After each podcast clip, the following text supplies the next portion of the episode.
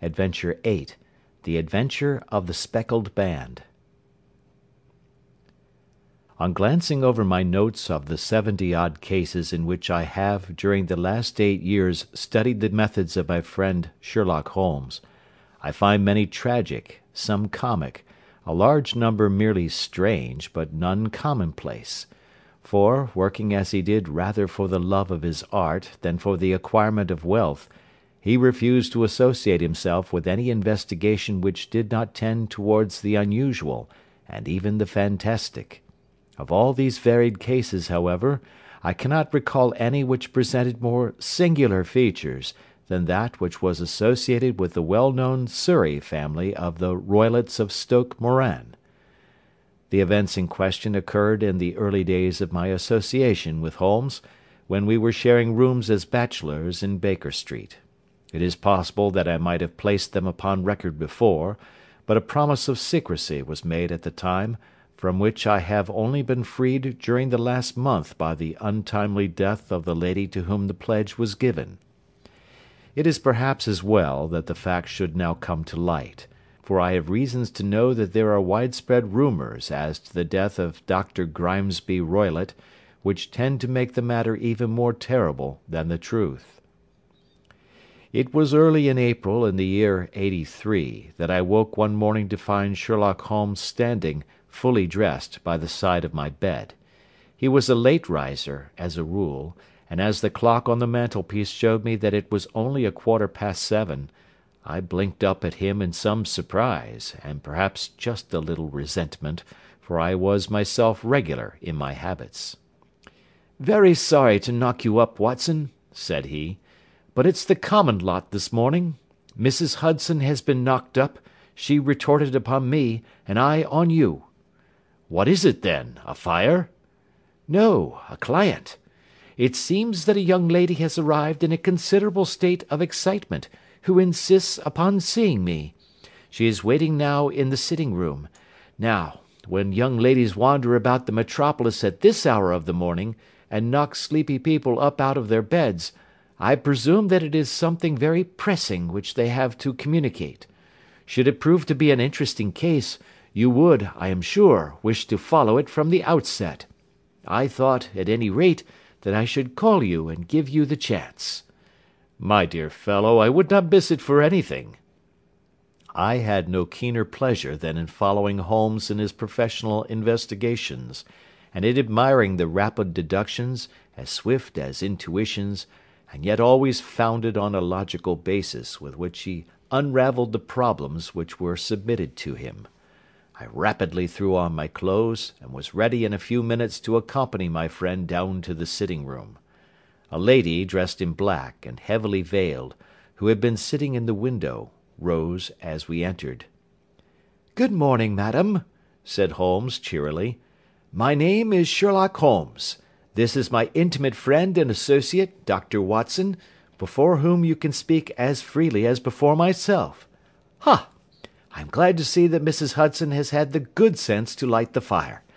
Pray draw up to it, and I shall order you a cup of hot coffee, for I observe that you are shivering." "It is not cold which makes me shiver," said the woman in a low voice, changing her seat as requested. "What then?" "It is fear, Mr. Holmes. It is terror."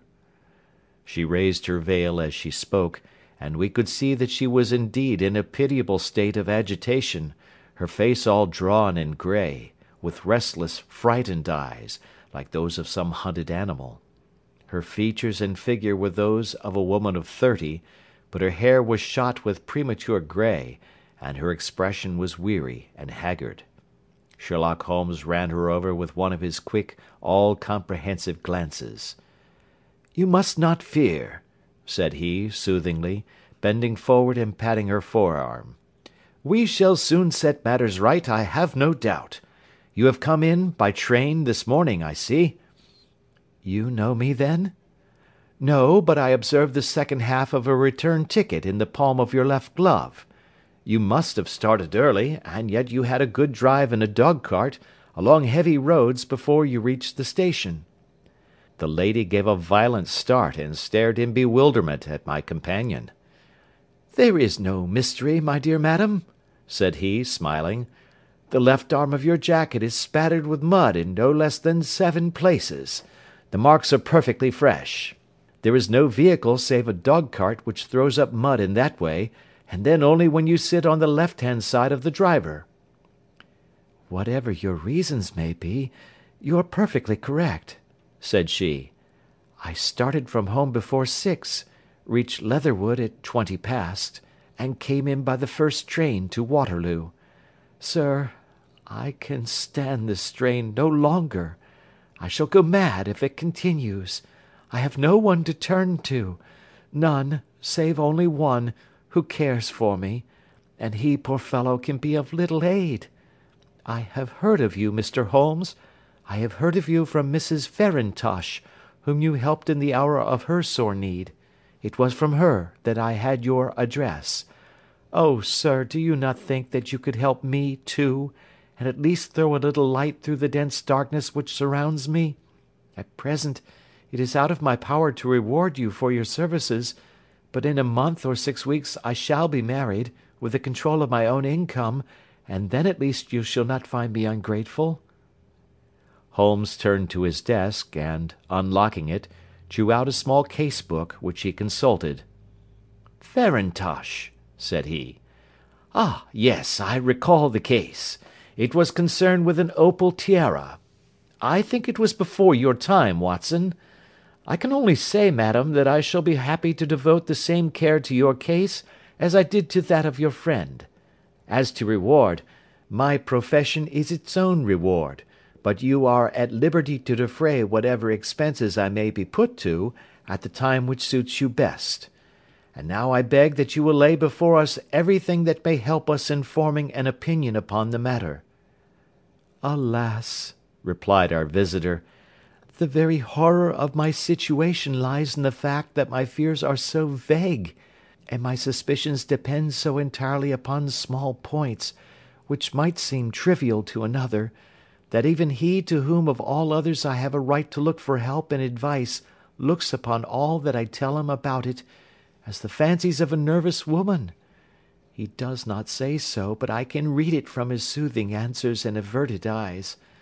But I have heard, Mr. Holmes, that you can see deeply into the manifold wickedness of the human heart. You may advise me how to walk amid the dangers which encompass me." "I am all attention, madam." "My name is Helen Stoner, and I am living with my stepfather, who is the last survivor of one of the oldest Saxon families in England, the Roylotts of Stoke Moran, on the western border of Surrey." Holmes nodded his head. "The name is familiar to me," said he. "The family was at one time among the richest in England, and the estates extended over the borders into Berkshire in the north, and Hampshire in the west. In the last century, however, four successive heirs were of a dissolute and wasteful disposition, and the family ruin was eventually completed by a gambler in the days of the Regency. Nothing was left save a few acres of ground and the two hundred year old house, which is itself crushed under a heavy mortgage. The last squire dragged out his existence there, living the horrible life of an aristocratic pauper, but his only son, my stepfather, seeing that he must adapt himself to the new conditions, obtained an advance from a relative, which enabled him to take a medical degree, and went out to Calcutta, where, by his professional skill and his force of character, he established a large practice. In a fit of anger, however, caused by some robberies which had been perpetrated in the house, he beat his native butler to death and narrowly escaped a capital sentence. As it was, he suffered a long term of imprisonment, and afterwards returned to England a morose and disappointed man. When Dr. Roylott was in India he married my mother, Mrs. Stoner, the young widow of Major General Stoner, of the Bengal Artillery. My sister Julia and I were twins, and we were only two years old at the time of my mother's remarriage. She had a considerable sum of money, not less than one thousand pounds a year, and this she bequeathed to Dr. Roylott entirely while we resided with him, with the provision that a certain annual sum should be allowed to each of us in the event of our marriage. Shortly after our return to England my mother died. She was killed eight years ago in a railway accident near Crewe. Dr. Roylott then abandoned his attempts to establish himself in practice in London, and took us to live with him in the old ancestral house at Stoke Moran. The money which my mother had left was enough for all our wants, and there seemed to be no obstacle to our happiness. But a terrible change came over our stepfather about this time. Instead of making friends and exchanging visits with our neighbours, who had at first been overjoyed to see a Roylott of Stoke Moran back in the old family seat, he shut himself up in his house, and seldom came out save to indulge in ferocious quarrels with whoever might cross his path.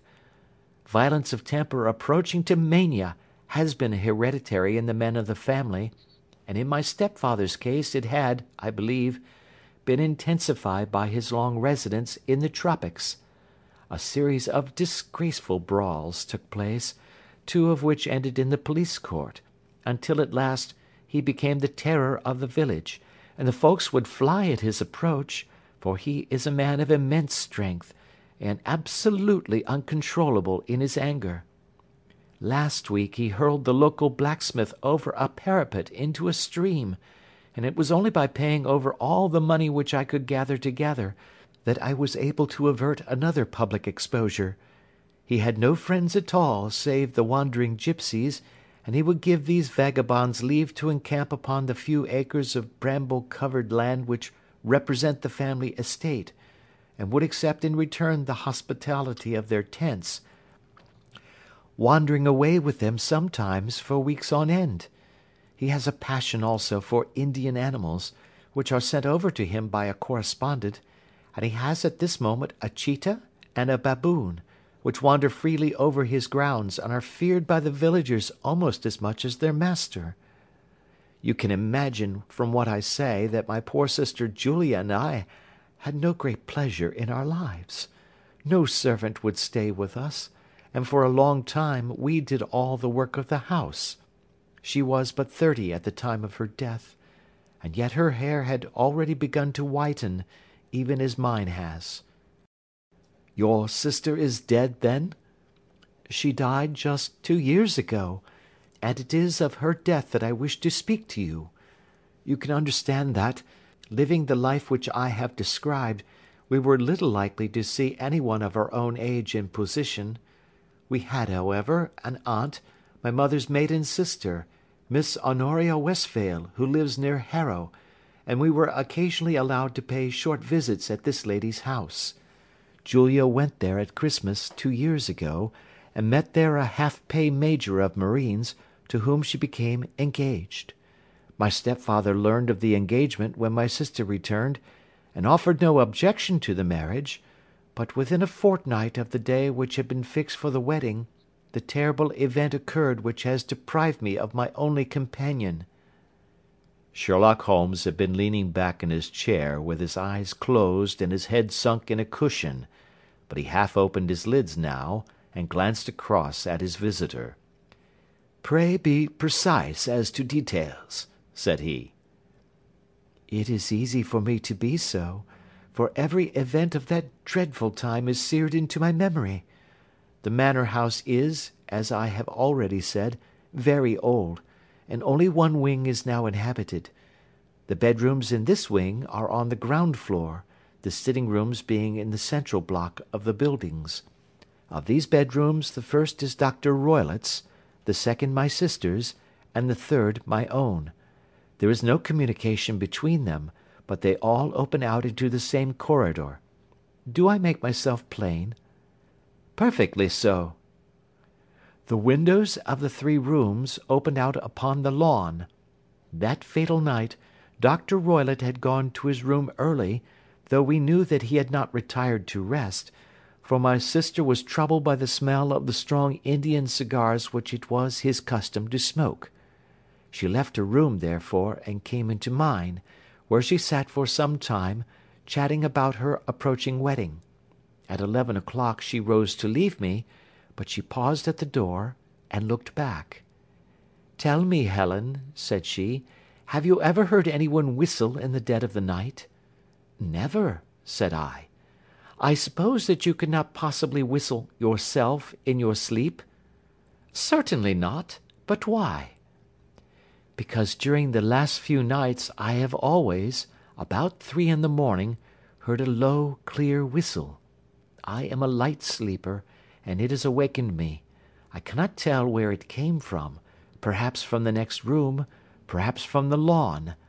I thought that I would just ask you whether you had heard it. No, I have not. It must be those wretched gipsies in the plantation.